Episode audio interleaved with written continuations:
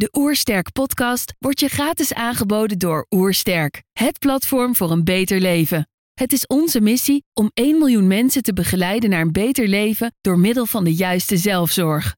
Wil je weten hoe jij kunt werken aan een beter leven? Ga dan naar www.oersterk.nu gezondheidscheck voor onze gratis gezondheidscheck en krijg direct jouw uitslag met persoonlijk advies. Mijn naam is Barbara Kok en je luistert naar de Oersterk podcast. Je hebt een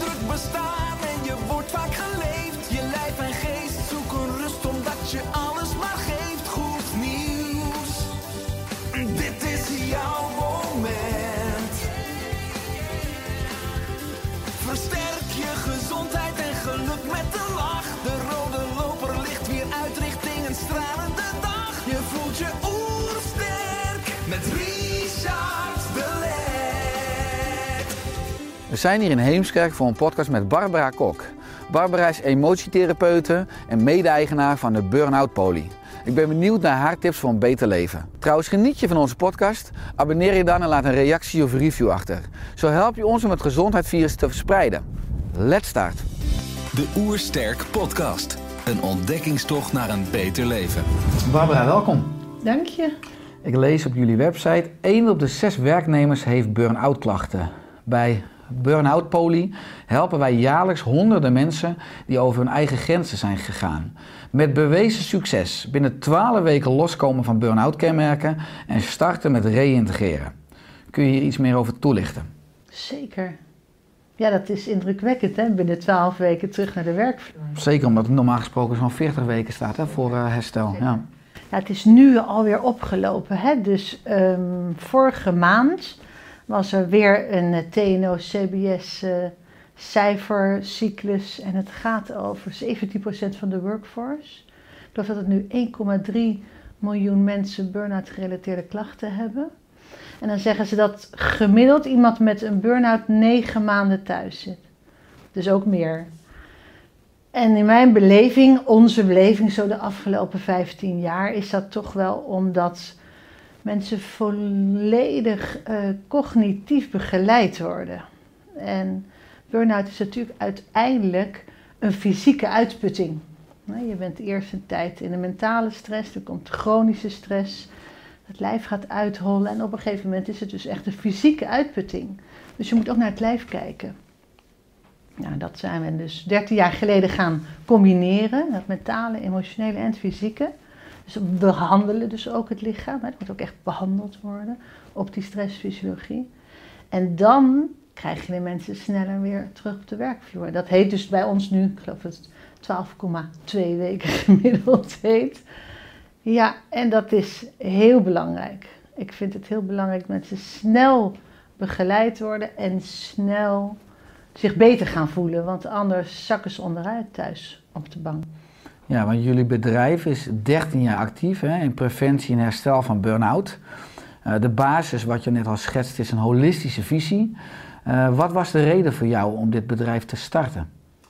Nou, dat was vooral omdat wij toen, noem het maar 15 jaar geleden, allemaal verschillende mensen die onafhankelijk van elkaar dit werk deden. De een mentaal, de ander puur emotioneel, de ander fysiek. Dus dat waren een paar coaches, emotietherapeuten, een osteopaat en een arts. En die zagen dat als we met elkaar gingen samenwerken, dat hebben we dus in het begin geprobeerd, dat je mensen veel sneller geïntegreerd weer in een goede versie van zichzelf kreeg. Dus dat hebben we eerst met elkaar uitgeprobeerd. En toen op een gegeven moment ontstond dus Burnout Poly, dat is dus 13 jaar geleden.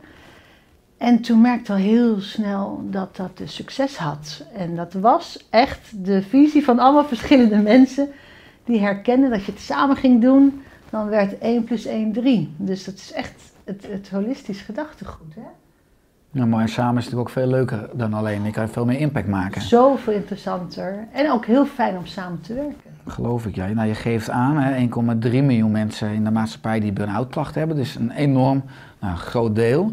Eh, veel voorkomende burn-out klachten zijn geen energie meer hebben, slecht slapen, je suf piekeren, het gevoel hebben dat je de controle kwijt bent.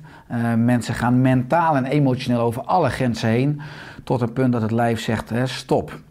Uh, wat kunnen mensen nou doen als ze één of meer van deze signalen herkennen? Of ook juist als mensen luisteren of kijken en zeggen van nou ik voel me kip lekker, maar wat zou ik nou preventief kunnen doen om een burn-out te voorkomen? Ja, mooie rationele vraag. Dank je. Ja. ja. Vond ik zelf ook. Ja, Ja. zeker. Ja, dat is een vraag met ongelooflijk veel antwoorden. En het komt natuurlijk neer op, als jij al die symptomen herkent bij jezelf, dan ben je natuurlijk al een tijdje doorgegaan. Dus dan ben je al een tijdje doorgegaan en ben je al richting chronische stress. Het is niet meer alleen een mentale stress. Dus er gebeurt blijkbaar ook al iets bij bijnieruitputting. Er gebeurt ook al iets met het autonome zenuwsysteem dat overwerkt is. Dus die twee, de sympathicus staat de hele tijd aan, dus je bent alsmaar in actie. En die parasympathicus komt eigenlijk niet aan bod. Dat autonome zenuwsysteem is niet een balans, maar het is een aan-uit systeem. Dus als je daar al zit, dan is eigenlijk het enige antwoord stop. En dat is best hard gelach, want de mensen die zo ver zijn, zijn natuurlijk heel vaak de diehards, die graag willen en doorgaan, omdat het nooit goed genoeg is. Past niet bij een persoonlijkheid om te stoppen. Vind ik, ik. Ja, ik zie heel veel mensen met een verantwoordelijkheidsgevoel die lang door zijn gegaan omdat ze vinden dat dat moet. En die ook wel een vermijdingsstrategie hebben. Want ze willen niet voelen dat ze niet goed genoeg zijn, want ze willen door. Dus het zijn echte diehards. En eh, de perfectionisten. Het zijn eh, vaak hele bijzondere mensen. Die uiteindelijk dan toch moeten toegeven dat ze moeten stoppen. Maar ja, wanneer is dat moment dat je kan landen, tegen jezelf kan zeggen: Het is echt stoppen nu. Dus vaak moeten wij dat toch zeggen.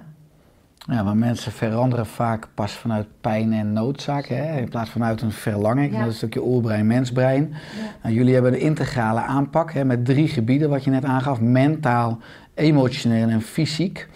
Het doel is dat mensen mentaal weer fit worden, hè, emotioneel weer in balans komen. En ook dat jullie fysiek dus de stressklachten aanpakken. En ik las van de wens is om mensen die vastlopen terug te brengen naar hun essentie. Ja. Kun je dit toelichten? Ja, onze, onze why, waar we eigenlijk allemaal zijn gaan samenwerken, is vrijheid. Wat wij eigenlijk willen is dat iedereen zijn eigen vrijheid beleeft. Wij zijn ervan overtuigd dat je in origine, in essentie, allemaal vrij bent geboren. En dat die vrijheid op een gegeven moment een beetje zoek raakt door overtuigingen, door allemaal laagjes die we over onszelf heen leggen, door wat we vinden dat we moeten, doordat we zijn gaan aanpassen. Maar in essentie zijn we allemaal vrij. In essentie ben je heel.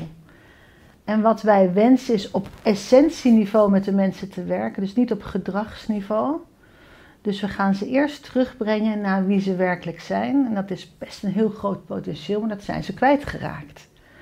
Dus als we hen weer terug kunnen brengen bij dat stuk wat eigenlijk moeiteloos is en wie ze werkelijk zijn, dan gaan ze dus ontdekken dat ze van daaruit ook hun leven kunnen aansturen. En dan hoeft het niet meer op wilskracht. Dus dat is eigenlijk de start. Leggen ze uit al in de eerste coaching, dat is al een sessie van 2,5 uur, wat ze nou eigenlijk doen. We gaan ze zo uitvragen om ze te laten ervaren wat hun persoonlijkheidstype nou eigenlijk aan het doen is. Wat de patronen zijn geworden, maar vooral wat hun vermijdingsstrategie is geworden. En dat ze op een gegeven moment toch in dat pad verzeld zijn geraakt, maar dat ze er ook weer uit kunnen. En dan bij de tweede sessie, dat is de emotietherapeutische sessie, ook alweer een sessie van 2,5 uur, gaan we kijken naar de onderliggende overtuigingen die dat hebben veroorzaakt. En als ze dat allemaal kunnen ontmantelen, echt op celherinneringsniveau kunnen wegnemen, dan gaan ze pas eigenlijk voelen wat de kracht werkelijk is, wie ze werkelijk zijn. En vooral dat potentieel dat ze werkelijk zijn. En dan een week daarna komen ze bij de osteopaat en dan gaan we dat lijf ook laten ontspannen, zodat de week daarna dat brein wat meer ontspannen is en mee gaat werken. Want als het brein nog steeds die stress van het lijf voelt, blijft dat natuurlijk een zenden van stress, waardoor dat brein ook nog steeds vasthoudt. En zo proberen wij hen helemaal te ontspannen, mentaal, emotioneel en fysiek. En dan kan je ze krijgen bij de essentie van wie ze werkelijk zijn. Ja, mooi. Uh, want het doel is natuurlijk om ervoor te zorgen dat iemand niet weer terugvalt in oude patronen. Uh, nou, dat doen jullie dus onder andere wat je zegt met die uh, emotietherapie. want het blijkt dat niet doorleefde, vastgezette emoties een van de grootste oorzaken van een burn-out zijn. je komt dan op de emotionele laag van overtuigingen. jullie willen dat mensen inzicht krijgen in de patronen waarom ze als het ware nu vastlopen. Kun je daar enkele voorbeelden van geven? Want je noemde net inderdaad de inhoud van de twee sessies, maar is misschien nog wat abstract, ook als mensen luisteren of kijken. Kun je het wat praktischer maken? Nou, als ik het praktisch maak, dan bijvoorbeeld is er een situatie dat iemand herkent dat hij uh, bepaalde patronen heeft, maar toch niet heel goed begrijpt waar dat vandaan komt. En als we dan naar binnen gaan en we komen uit bij een soort overtuiging van ik ben toch niet goed genoeg, wat er ook gebeurt deep down, in de krochten van mijn ziel ben ik niet goed genoeg en straks ontdekken ze het. Dat ik een fraud ben. Dat zijn oude overtuigingen van kleine mensjes. Meestal hele jonge mensjes die ergens een situatie hebben meegemaakt, een schrikmoment, dat vastgezet hebben op zelfherinneringsniveau, tegen zichzelf hebben gezegd: Zie wel, ik ben niet goed genoeg, want anders had mijn vader wel van me gehouden, had mijn moeder dat niet gedaan. Het zijn de vergissingen van kleine kinderen, omdat ze niet beter wisten. Maar dat zetten ze vast op een emotie. En dat is best een heftig proces. Het is gewoon een biologisch proces van emoties die over een mens heen komen. Celreceptoren die openen en de lading vastzetten. Maar dat is dan dat kleine mensje die op dat moment met zichzelf een overtuiging vastzet, dat gelooft en dat voor de komende 30, 40 jaar met zichzelf meeneemt. Maar het is niet waar. Het is een gedachte geweest, een conclusie van een mensje op een emotie. En die kan er ook weer af. Het is niet waar je mee geboren bent. Dus wij gaan dan naar binnen bij emotietherapie op die emotie. En we landen eigenlijk van emotie op emotie in dat hele stille stuk waar alles oké is, waar eigenlijk dat brein ook wel uitgeschakeld is. En dan gaan we kijken wat is er nou heel specifiek hier gebeurd. Wat is de situatie geweest? Wat heeft het kind ervan gemaakt?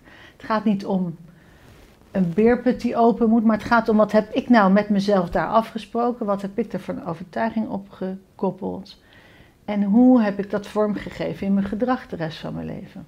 Dus je moet terug naar dat moment waar die emotie een overtuiging op het allerdiepste niveau heeft vastgezet. En dat is een heel mooi proces. En dat is redelijk moeiteloos ook. We begeleiden ze natuurlijk. We moeten wel voorzichtig met ze naar binnen. En daar hebben we natuurlijk mensen met een heel specifieke opleiding voor. Maar het is heel effectief. Want je neemt dus daar iets weg wat blijkbaar de rest van je leven allemaal triggers heeft gehad. Dus zo'n voorbeeld is ook iemand die alsmaar last heeft van een leidinggevende met een bepaald soort gedrag, dominant bijvoorbeeld. En die doet dan een proces op een verhouding tot een ouder of een leerkracht of wat dan ook ongelooflijk erop ingehakt heeft. En het gaat dan inderdaad bijvoorbeeld over zo'n soort verhouding van dominante mensen of sturende mensen. En dan is dat dus ontmanteld op dat niveau van dat kleine mensje van toen.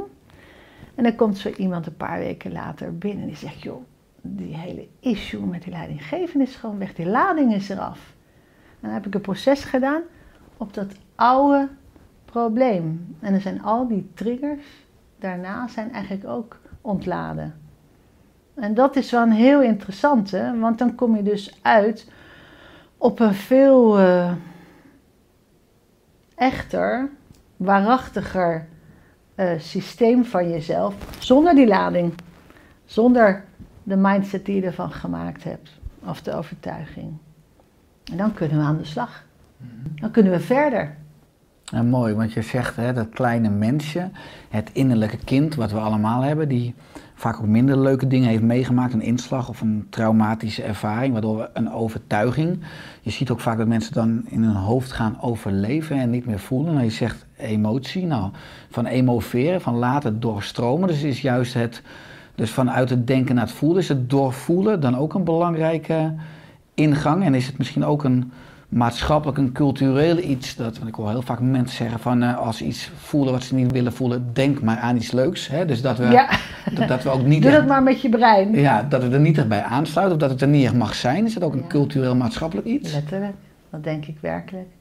En ik denk dat het ook nu aan de beurt is dat wij, dat gebeurt natuurlijk nu al veel met millennials, gaan leren weer terug te gaan naar voelen in het lijf.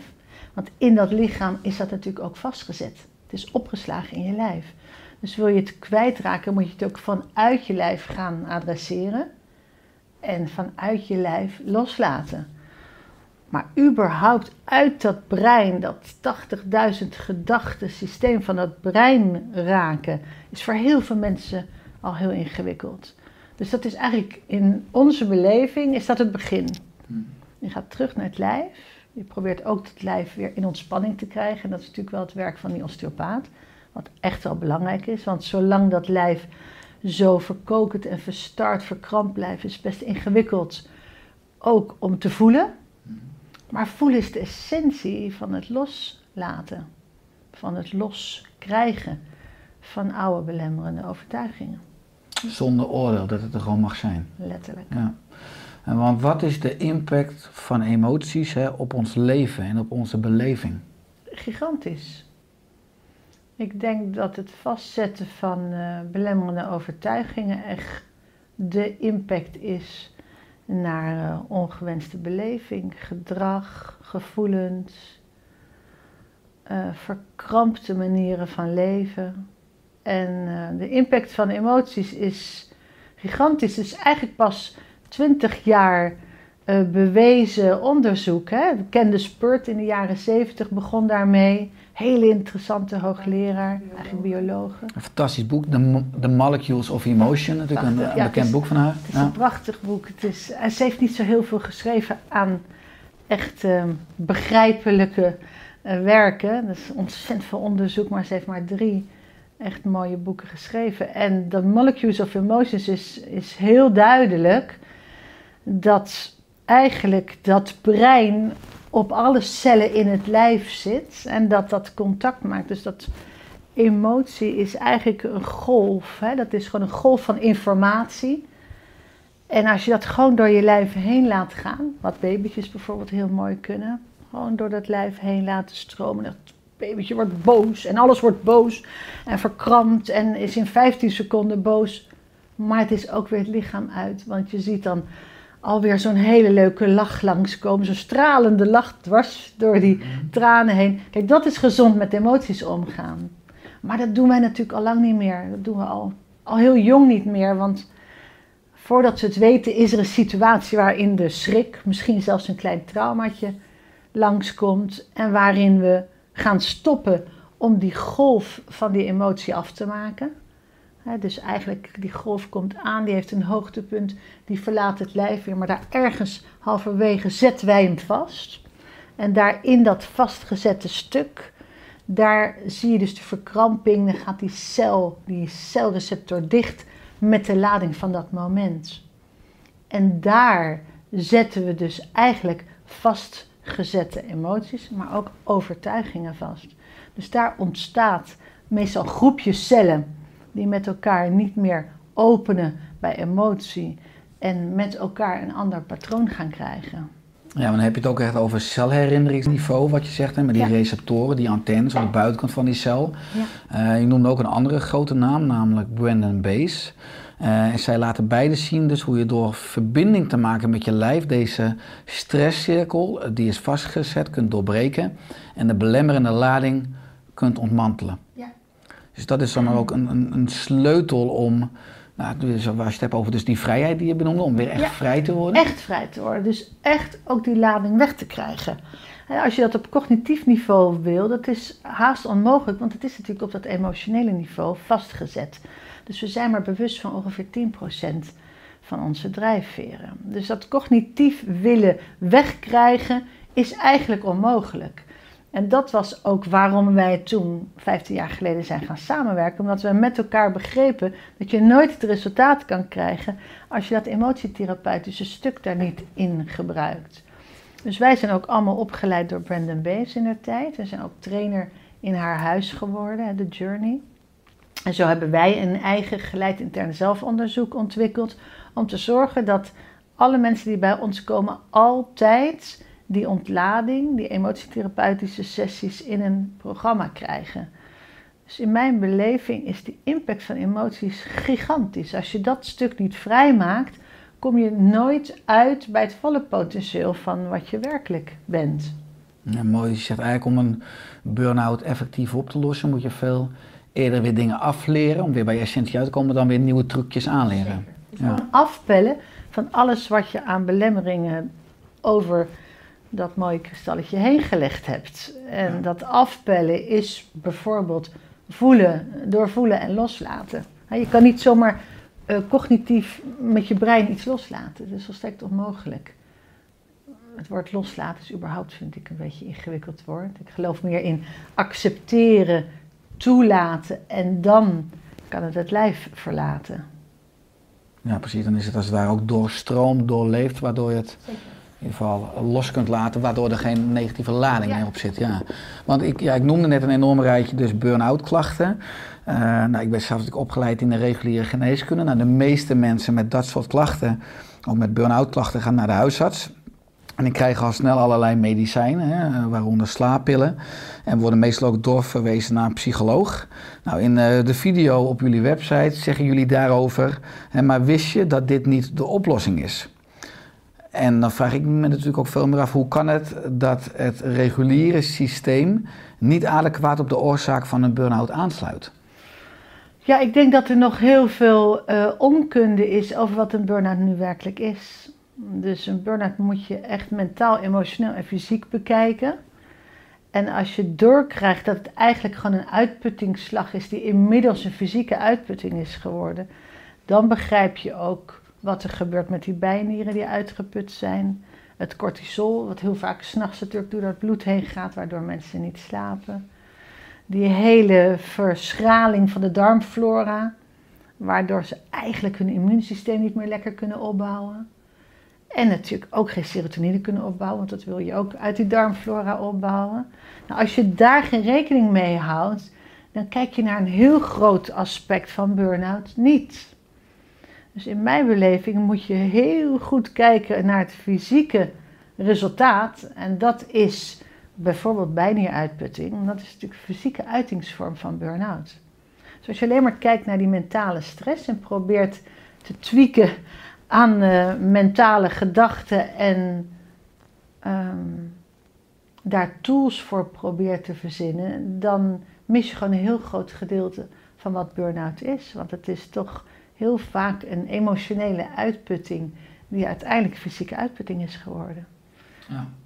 Dus geïntegreerd werken met verschillende therapeuten die met elkaar kunnen samenwerken is eigenlijk in mijn beleving de enige manier om ook snel uit die burn-out te komen. Want anders duurt het echt lang. Anders duurt het natuurlijk, dan moet dat lijf nog heel lang herstellen. Want die herstelt pas als laatste. Is ook als laatste omgevallen, maar die herstelt ook als laatste. Dus die moet je helpen. Je moet het lijf helpen. Nou, mooi, ik vind het krachtig en ook herkenbaar als je zegt dat een uitgeput lijf het gevolg is. En dat de oorzaak ook veel meer ligt ook op het nou, mentale, het emotionele. Ja. Uh, veel mensen zitten vast in negatieve gevoelens of belemmerende overtuigingen die waarheid zijn geworden, hè, zoals jullie dat mooi op de website schrijven. Uh, hoe kunnen ze hier als eerste stap, hè, maar hoe zouden ze hieruit kunnen stappen? Dus hoe kunnen ze eventueel oude vastgezette emoties en overtuigingen loslaten om zo, zoals jullie dat, noemen, de stresscirkel af te maken? Wat zou daar een eerste stap voor zijn? Ja, dat is toch dat toelaten. Kijk, wat is stress en wat is emotie? Het is eigenlijk haast hetzelfde. Die emotie komt tot je en heel vaak is dat toch in een situatie van gevaar of er gebeurt iets wat ik niet wil in het oude systeem, 200.000 jaar oude Homo sapiens natuurlijk. Die sabeltandtijger, nou die komt daar aan. Wat ga je doen? Rennen. Dus dat hele systeem gaat aan op surviven, rennen, wegwezen. Dus die hele spijsvertering moet stoppen, een voortplanting moet stoppen. Alles moet stoppen voor die acute situatie van stress. En dat hele systeem wordt dus ook in dat moment helemaal gefocust daarop. Het hele lijf is even bezig met stress, surviven, gevaar vermijden. Toen, 200.000 jaar geleden, was dat zo'n situatie van oké, dan is die leeuw voorbij. En dan kunnen we daarna met elkaar allemaal weer ontspannen. We gaan naar het dorp en we vieren een feestje, want die leeuw die één keer in de zeven weken langskomt, die is weer geweest. En het lijf ervaart dat het weer kan ontspannen. En we kunnen weer een paar weken tegen een boom liggen en weer herstellen. Dus het hele systeem, je immuunsysteem, je darmflora, je hormoonhuishouding, alles kan weer herstellen. En dan is stress niet zo'n probleem. Dan hebben we die acute stress gehad. Maar ja, zo leven wij natuurlijk vandaag de dag niet. In die 21ste eeuw met onze continue 24-7 economieën en mails en telefoon. En vinden dat we allemaal alsmaar alert paraat mogen zijn. Wat fantastisch is voor je bedrijf, want je hebt voldoende klanten. Ja. Inmiddels is dat heel fijn. En het is in mijn beleving super belangrijk om met elkaar nu te gaan zien dat we hier preventief echt anders mee om moeten gaan. Dus we moeten wel ontspannen. We moeten wel s'avonds die ontspanning in. We moeten wel in het weekend even niks doen. Want dat stresssysteem moet echt kunnen ontspannen, moet kunnen herstellen. Ons stressresponssysteem, het systeem dat reageert op stress, is niet verder geëvolueerd dan dat van een vis. We zijn even ver geëvolueerd als een vis in ons stressresponssysteem. Dus wij kunnen dit helemaal niet aan. Wat wij allemaal willen, hè, dat continu aanstaan. Dus dan komen we in die chronische stress. En die chronische stress, die zegt de hele tijd tegen de bijnieren. En nog een beetje adrenaline, nog een beetje adrenaline. Maar dat kunnen die hele kleine bijnieren helemaal niet aan. Kleinste orgaatjes in het Kleinste lichaam. orgaatjes. 5 gram per stuk op de nieren aan weerszijden, ja. Ja. En die zijn op een gegeven moment uitgeput. Dus dat hele lijf is helemaal aangeslagen. Het autonome zenuwsysteem staat nog steeds aan, is nog steeds niet in de ontspanning terechtgekomen. En het gaat door, weken, maanden. Sommige mensen wel jaren. Dus dat staat aan, die sympathicus, dat stuk voor actie staat de hele tijd aan. Nou, op een dag is het gewoon klaar. Dan is alles daarin uitgeput. Dus terug te komen, ja. Wij moeten echt met elkaar dit gaan leren. We moeten begrijpen wat stress is. Ik denk dat dat hem is. Ja, dus het maatschappelijke ritme is toxisch, hè, waar we allemaal misschien in het hamsterrad gaan meerennen. Omdat je zegt dat vanuit de evolutie we geprogrammeerd zijn bij stress op overleven. Dus het energiemanagement verandert dan. En bepaalde organen en structuren krijgen voorrang boven andere, waar dan lange termijn roofbouw optreedt. Eh, je geeft aan dat we enorm druk zijn, allemaal bijvoorbeeld ook vanuit onze agenda. Dat het belangrijk is dat we bufferblokken hebben om te herstellen. Uh, maar ik zie natuurlijk ook heel veel, en dat zullen jullie ook zien, dat je kan uh, alsnog ontspanning hebben in je agenda. Je kan een dag op zaterdag uh, op de hei zitten en in, in het fantastische natuur voor je ogen zien. Maar als je continu in je hoofd dus dat stemmetje hebt van ik ben echt een loser en ik ben niet goed genoeg en pff, nou ja, ik, ik, weet niet of mijn leven wel zin hebt, dan heb je alsnog, ook al zit je helemaal een dag op de hei, heb je chronische stress. Dus we zijn vanuit de evolutie geprogrammeerd op wonden aan de buitenkant. Maar de moderne mens leidt heel erg door wonden aan de binnenkant, waar we nog niet optimaal op aangepast zijn. Dus die negatieve emoties of vastgezette emoties, negatieve overtuigingen. Hoe kan de moderne mens ook uh, zorgen voor minder stress van binnenuit? In mijn beleving door meer stilte te gaan vinden. De stilte, ademhaling. Dus die mooie alfa-ademhaling naar binnen, waardoor je echt dat hele lichaam goed kan voorzien van O2. Waardoor je dat hele sympathische stuk kan laten ontspannen, waardoor de parasympathicus met herstel en rust dominant wordt. Eigenlijk is dat natuurlijk het verhaal, hè? dat we gaan zorgen dat dat stuk van rust en herstel dominanter wordt. Dat heet stilte. Natuurlijk is meditatie prachtig, maar in mijn beleving heet het af en toe een pauze inlassen en iets vaker dan één keer per dag.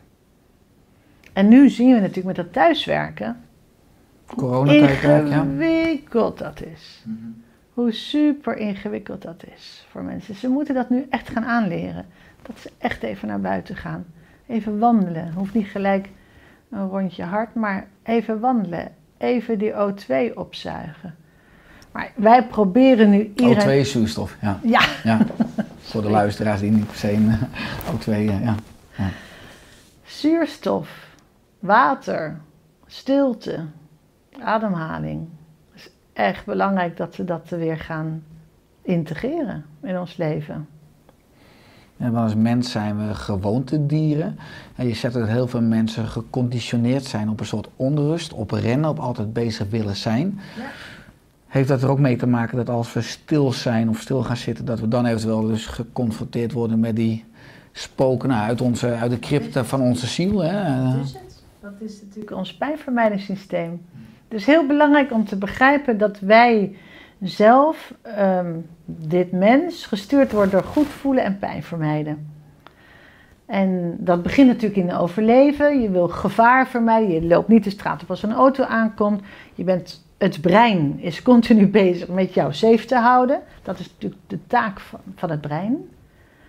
En op een gegeven moment is dat systeem van die Homo sapiens gewoon op 85% van de dag, van de 24 uur, gaat s'nachts door, alleen maar bezig met pijn vermijden, gevaar vermijden, niet goed voelen vermijden. Dat is een focus geworden bij gezonde mensen. Dus die mensen met de burn-out bij ons in huis, is het leeuwendeel 95% van de 24 uur bezig met zijn pijnvermijdingssysteem. Gedreven vanuit zijn pijnvermijding. Als je je voorstelt, als je er alsmaar op gefocust bent en niet meer op waar word ik blij van, wat is goed voor mij, wat is mooi aan deze dag. Ben je dus continu in die pijnvermijding bezig. En dat betekent niet goed genoeg voelen, vermijden, kwetsbaar vermijden. Zijn we ongelooflijk bezig in vermijding en daar loop je gewoon op vast. Zeg je daarmee ook mensen doen meer dingen niet vanuit angst, hè, dan dingen wel vanuit plezier of vanuit verlangen? Letterlijk. Ja, dat is gewoon hoe we gedreven worden vanuit ons survival systeem. En dat is interessant om te weten. Want het is prachtig als je dat kan veranderen naar de andere kant. Dat je meer de focus kan krijgen op goed voelen. Waar word ik blij van? Wij noemen dat positieve gedachten.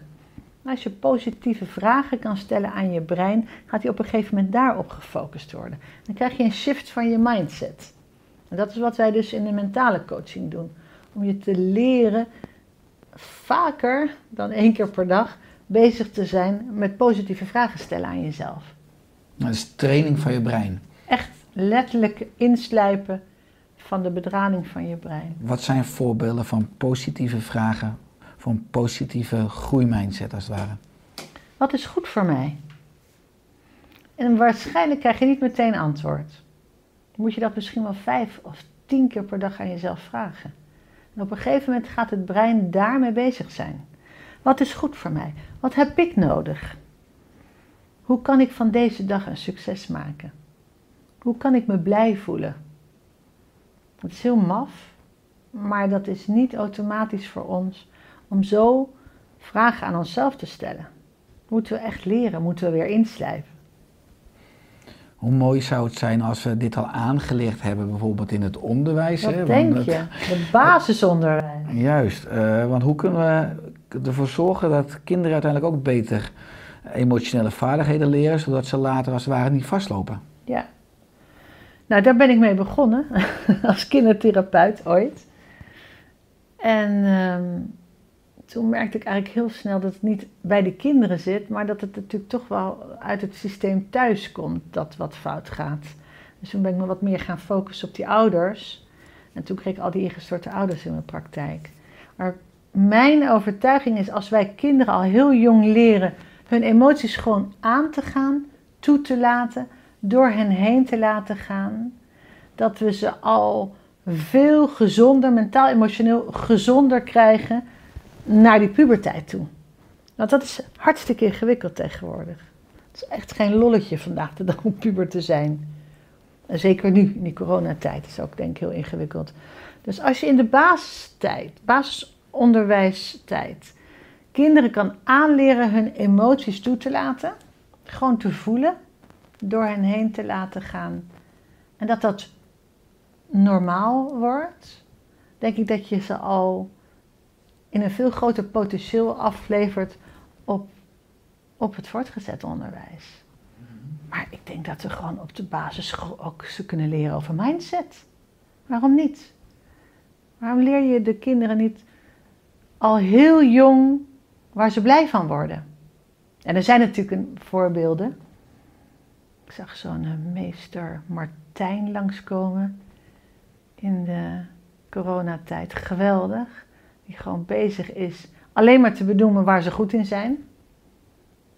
Dat het leuk is. Want mensen zijn gewoon heel veel bezig met hun pijnvermijdingssysteem. Dat ze niet goed genoeg zijn, dat ze niet kwetsbaar mogen zijn, dat ze alles moeten begrijpen, dat ze anders waardeloos zijn. Dus die twee zaken, emotioneel kunnen toelaten en positieve mindset aanleren, ik denk dat het heel waardevol is. Ja, maar je schetst ook, als je het hebt over die kinderen, hoe je startte, dat je als ouder vaak onbewust je eigen mentale of emotionele onbalans, als je die niet ziet of uitgewerkt doorgeeft aan je kind. Dus dat het een soort. Je moet balans brengen in het hele familiesysteem. Het is natuurlijk ook een energetisch spel. In dit coronatijdperk geeft de overheid, het kabinet natuurlijk miljarden uit aan fijn steun aan ondernemers, et cetera. Wat nou als we miljarden zouden vrijmaken om in uh, de maatschappij uh, nou, veel meer te zorgen voor mentale en emotionele vrijheid, om maar en jij zou ook een plek krijgen in Den Haag van Mark Rutte. Waar zou je dan gelijk mee starten? En ook, en ook dus je hebt echt miljarden tot je beschikking om ook echt maatregelen door te voeren die echt impact maken. Ik zou starten bij uh, leren gezond om te gaan met je emoties. Omdat dat van gigantische impact is op de rest van je leven. Als je heel jong al negatieve emoties vastzetten in je systeem, heb je daar de rest van je leven ongelooflijk veel last van.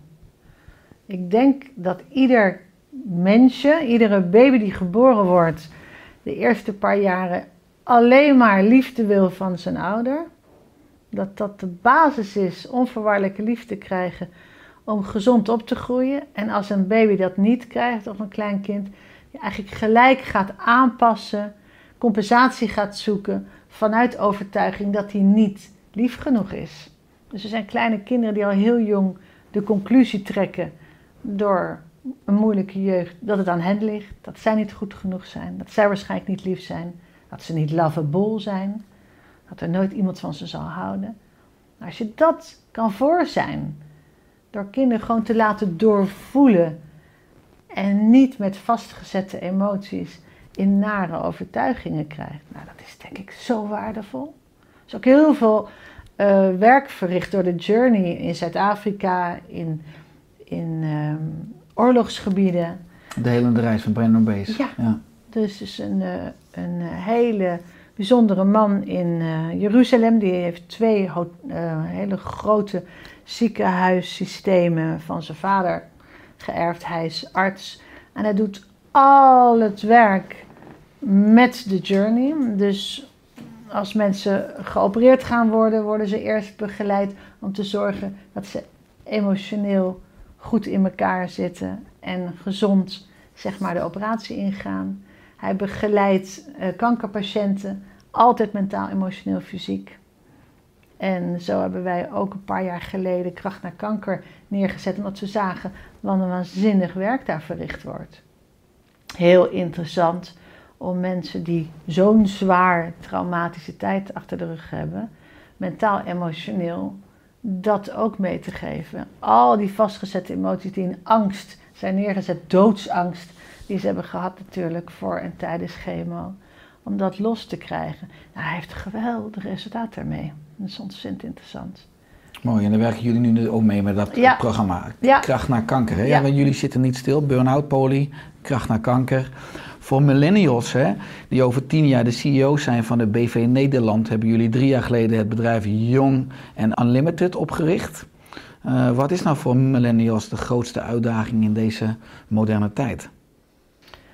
Ehm, de generatie die hun niet begrijpt. Wij, de vijftigers. Maar is de jonge generatie, we komen misschien wel, het zijn wel hooggevoelig oudere zielen. Misschien nog vaak heb je ook, als je het hebt over jonge zielen, oude zielen, heb je vaak natuurlijk ook een mismatch. Zeker, zeker. Kijk, wat ik zie in die millennial generatie, het is een generatie die heel graag het goed wil doen. Ehm, ze hoeven niet een Mercedes, ze vinden het prachtig om een vijfde dag vrij te hebben en dan te werken aan zingeving, persoonlijke ontwikkeling. Ehm, maar ze worden wel vaak verkeerd begrepen. Hè? Ze worden weggezet als eh, ze willen te veel en eh, ze zijn verwend. Of... Nou, ik denk dat wij ze te veel hebben meegegeven dat de sky the limit is. Hè? Die generatie van vijftigers, zestigers. En dat we ze hadden moeten meegeven dat je gewoon je mouw moet opstropen en dat het leven tot je komt, dat het ook naar is, dat je daar ook weerbaar voor moet worden. En dat gebeurt dus nu. Ik zie nu dat ze dus ook in die coronatijd het hartstikke zwaar hebben, want ze zijn natuurlijk ook best vaak, zeker singles, eenzaam. Ze hebben voor een bedrijf gekozen waar ze niet naartoe kunnen, zitten thuis terwijl dat leuke bedrijf dicht is. En ik heb ehm, ja, om me heen geweldige millennials. We hebben ook eh, met de Unlimited Academy heel veel opgeleid. Waar ik echt van zie, ze hebben het gewoon in essentie hebben ze het echt allemaal in huis. Maar we moeten ze gewoon wel een beetje begeleiden naar die maatschappij toe.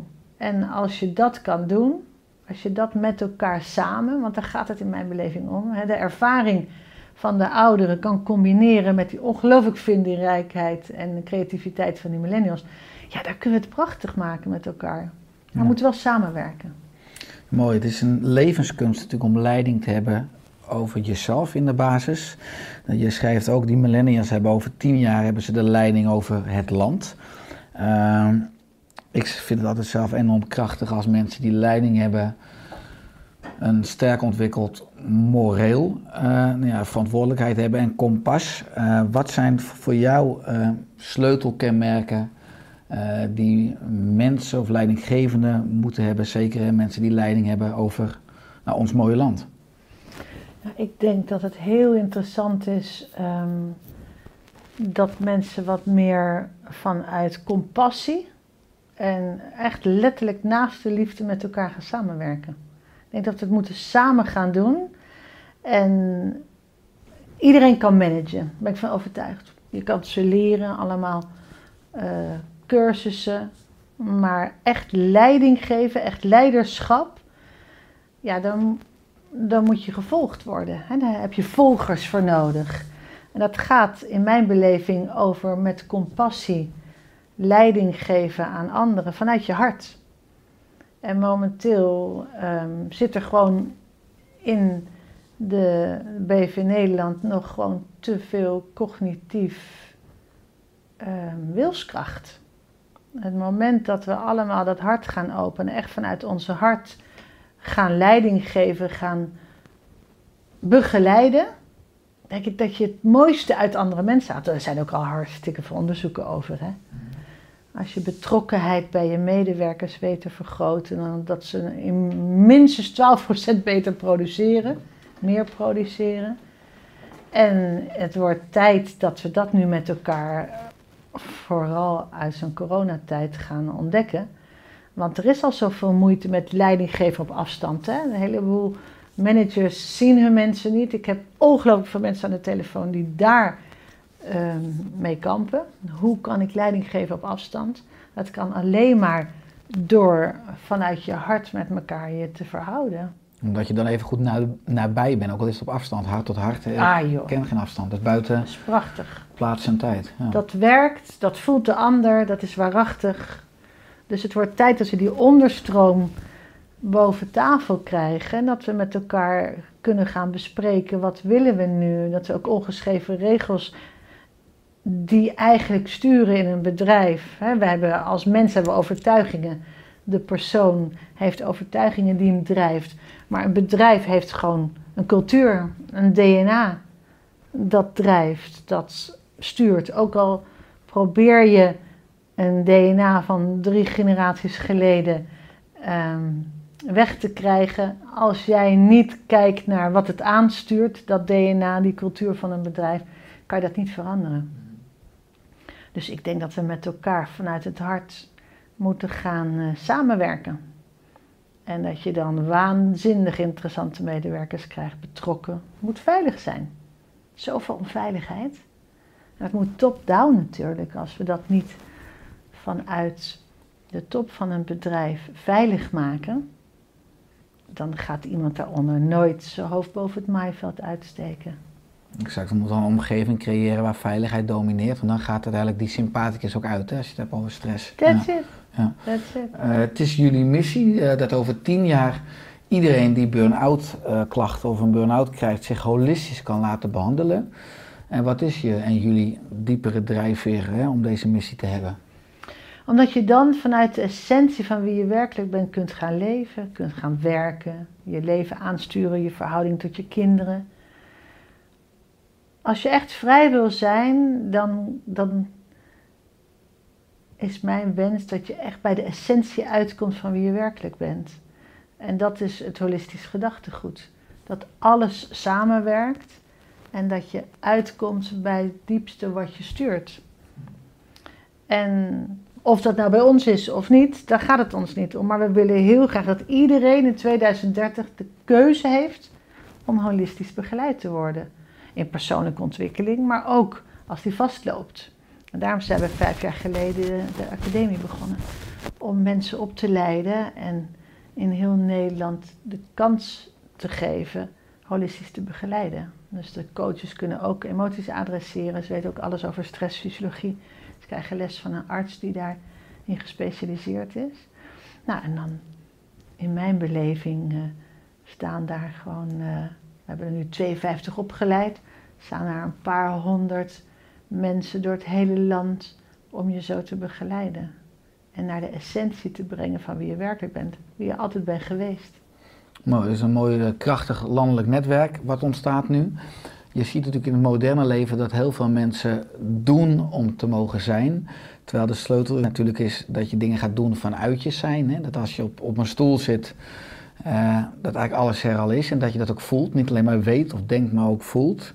Eh, omdat je nou ja, continu ook bezig bent met de essentie, en met emoties, mensen begeleidt in het herstel van een burn-out. Zeg je ook, voor mij is het onmogelijk om een burn-out te krijgen. Ik zal nooit een burn-out krijgen. Ja hoor, zeg ik niet. Ik ben ook maar een mens. En ik herken ook al mijn eigen niet goed genoeg stukken van dag tot dag. En ik denk omdat ik ze herken en bewust van ben, er wat handiger mee om kan gaan. Maar ik denk dat iedereen in essentie die ehm, graag wil, ook al is het heel leuk, over zichzelf heen kan vliegen. Ik heb ook heel veel mensen in huis die alsmaar alles fantastisch en leuk vonden. Dan is dat hun saboteur. Altijd maar door te moeten gaan. Dan is onze vraag van waaruit. We willen naar de onderliggende laag, naar de oorzaak van waarom je dan alsmaar door moest. Of dat het altijd leuk moet zijn. Dat wil je dan niet voelen. Dat is je pijnvermijdingssysteem als het altijd leuk moet zijn. En dat is ook een systeem van emoties niet willen voelen. Misschien negatieve emoties niet willen voelen. Nou, dat heb ik ook. Ik heb dat ook. Ik heb in de coronatijd ook echt een dip gehad. Ik heb het echt lastig gehad met. We hebben dus vier ehm, vestigingen. We hebben heel veel mensen daar. 21 man die met ons samenwerken. Ik heb een verantwoordelijkheidsgevoel. Ik wil dat iedereen brood op de plank heeft. En moesten ineens de deuren dicht.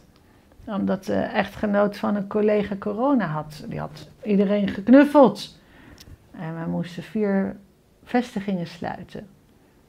Ja, dat vond ik vreselijk. Dat, ik heb echt stress gehad. Ik heb ook s'nachts rekensommetjes zitten maken en wakker gelegen. Toen dacht ik ook, oeh, ik lig nu echt te veel wakker.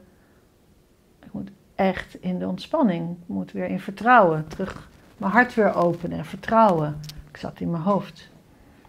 Dus ja, ik denk dat ik ook zo dat zou kunnen doen, omdat ik ook zo'n gedreven persoon ben.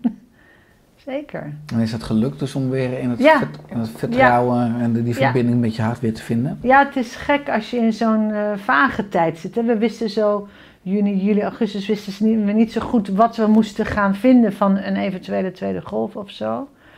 Dus ik ben in september met eh, mijn partner, dus mijn echtgenoot is partner in het bedrijf, zijn we een weekendje naar Vlieland gegaan. En het was echt eventjes landen. En toen hebben we ook best wel essentiële gesprekken gehad. Van wat gebeurt er nou met jou? En wat wil jij? En dan, we hebben alle twee onze eigen wensen, onze eigen verlangens. En hoe ziet het er voor jou uit en hoe ziet het er voor mij uit? En toen kon ik weer even landen en toen heb ik ook alles over de schutting gegooid, eh, zonder te weten. En dat was ook de uitspraak, stel dat ik het niet weet. Ik heb geen idee. Ik weet ook niet wat de bedoeling is.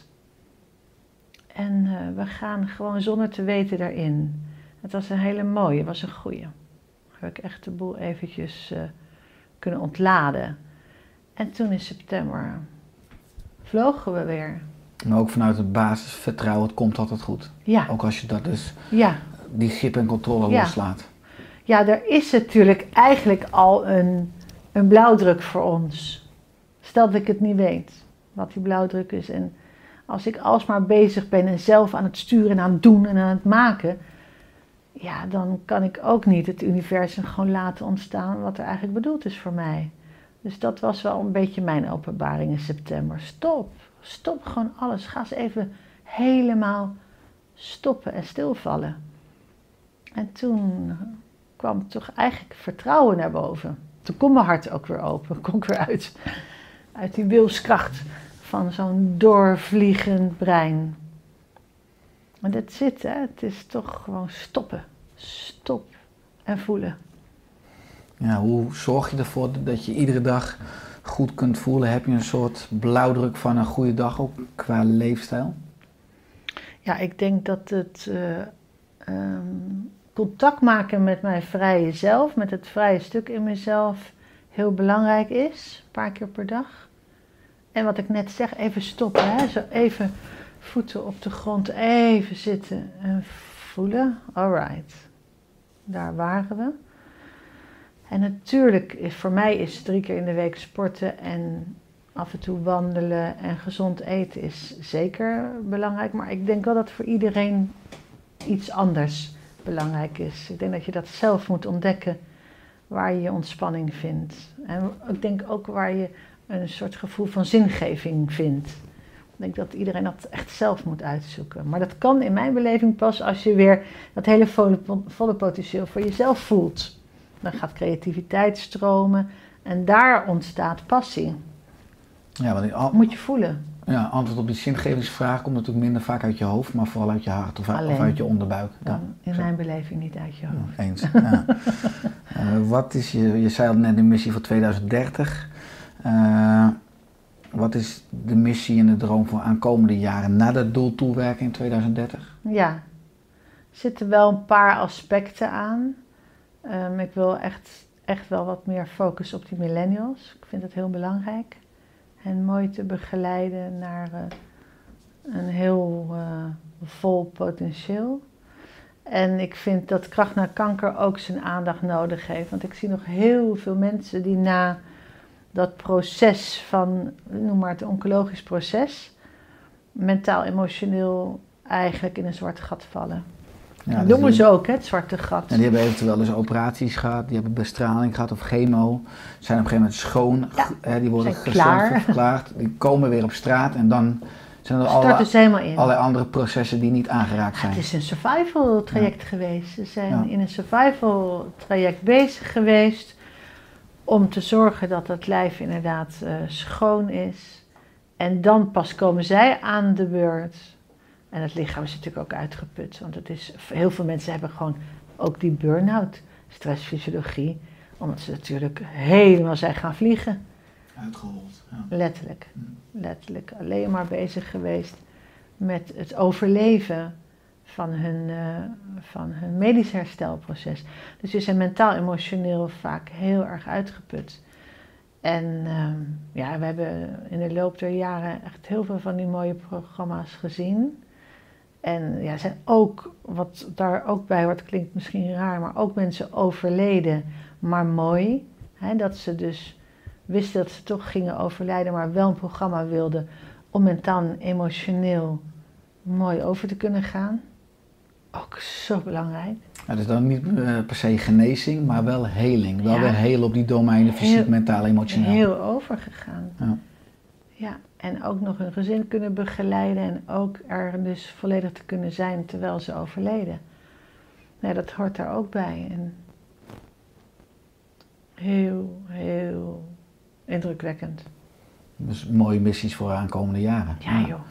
Is- Zoveel te doen. Ja, absoluut. Is er aan het einde van de podcast nog iets wat je graag wilt toevoegen? Ja, ik vind het, eh, wat ik zei, wat onze why is, hè? vrijheid. Ik vind het zo belangrijk mensen beseffen dat je al vrij bent.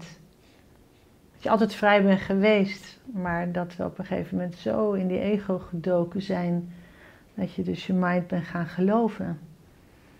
Dus mijn wens voor iedereen, als die eh, wil ontspannen, ga op zoek naar waar je vrijheid kan ervaren. En dat is van binnen.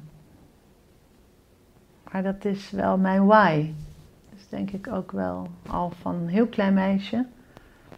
Wat ik voelde toen niet kon benoemen. Ik begreep er niks van. Ging psychologie studeren omdat ik dacht. eh, dat zal daarmee te maken hebben. Maar ik moest veel later ontdekken dat dat ging over wegpellen van al die overtuigingen en uitkomen bij wie je werkelijk bent. Ja, dat gun ik iedereen. Ja, maar als je al die lagen afpelt, dan komt iedereen bij zijn eigen gouden kern. Weet ik zeker. Nou, mooi. Waar kunnen mensen meer vinden over jou of over de burn-out? Burnoutpoly.com nodig ze uit ook in deze gekke tijd. Om dan ook maar eens die burn-out test te doen. Als ze denken, oeh, ik voel toch wel heel veel van die symptomen die ik vandaag hoor. ja, heel interessant. Het is toch wel gefine-tuned, die burn-out test de afgelopen jaren, naar mentaal, emotioneel en fysiek te kunnen analyseren waar je nou staat. Ja, heel welkom. Maar het bedrijf, hè, de, de moeder is Unlimited People, unlimitedpeople.nl en daar hangen al die andere Unlimited bedrijven People. onder. Ja, Mooi. dat zijn wij allemaal. Eens. Dank voor je komst, Barbara, in de Oerstek podcast. Graag gedaan. En eh, dat we nou ja, nog maar veel mooie bruggen mogen bouwen en mensen eh, zich laten verbinden met de essentie, met de kern. Zeker. Dankjewel en alle goeds. En jij ook. Dankjewel.